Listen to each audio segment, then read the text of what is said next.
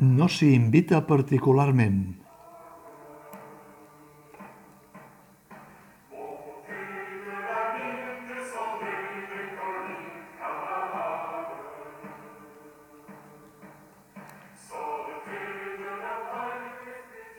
S'hi engrescava l'Amàlia a les manifestacions.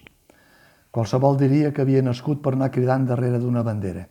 Som una nació, serem una nació, s'esgargamallava el del megàfon. I ella, cridant més que ningú, som una nació, serem una nació. I la seguien tots, corejant la crida i fent anar la bandera de dalt a baix, com aquell qui espolsa l'adrador de bon matí al balcó de casa.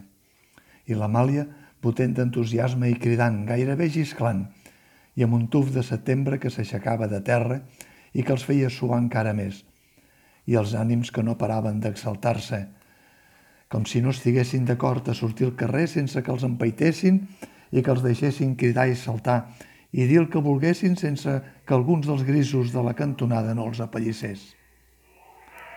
Els del megàfon demanant unitat, unitat, i repartint paperetes amb les consignes i les crides que havien acordat entre tots.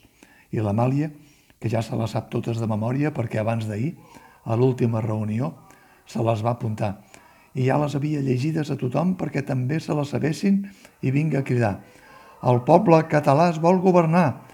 No us quedeu mirant, aneu participant. Volem l'Estatut. Solidaritat amb Xile. Llibertat d'expressió. I un grup va començar a anar a calent de cap i es va posar a cridar contra la Constitució i els del braçalet, que fessin el favor, que s'havien de respectar els crits unitaris i ells, que res, que no a la Constitució i que fora el govern. I, i un altre dalt i gros, amb una cicatriu a la galta, els va dir que eren uns rucs i com que no li feien cas, els va insultar encara més tractant-los de pallassos i es va girar enrere, repetint-ho com si ho expliqués a tothom. Són uns rucs i uns pallassos!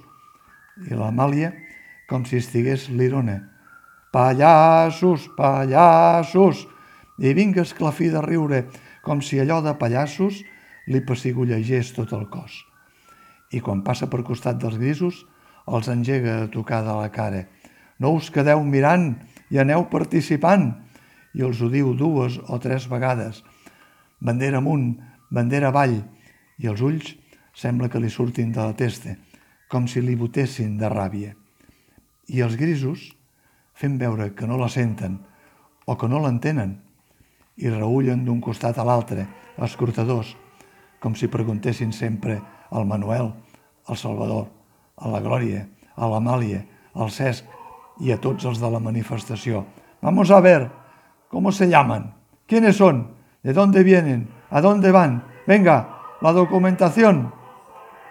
I un dels tres, el més panxut, que no parava de mirar l'Amàlia, encantadora, voluptuosa, darrere la bandera, capaç d'arrossegar, qui sap on, tota aquella massa de gent eufòrica. I el Cesc, que va al seu costat i que es miren i que l'Amàlia s'hi gira i donant-li els llavis li xiu-xiueja ben a prop seu. Llibertat d'expressió, però molt fluixet, com si només ho digués per ell sol, i es petonegen. I al Cesc li sembla que l'escalfor de terra li puja cos amunt i que els crits l'entortolliguen de cap a peus i que el cervell se li entorboleix i que ja no sap si crida o si vot o si encara sent el regust dels llavis de l'Amàlia.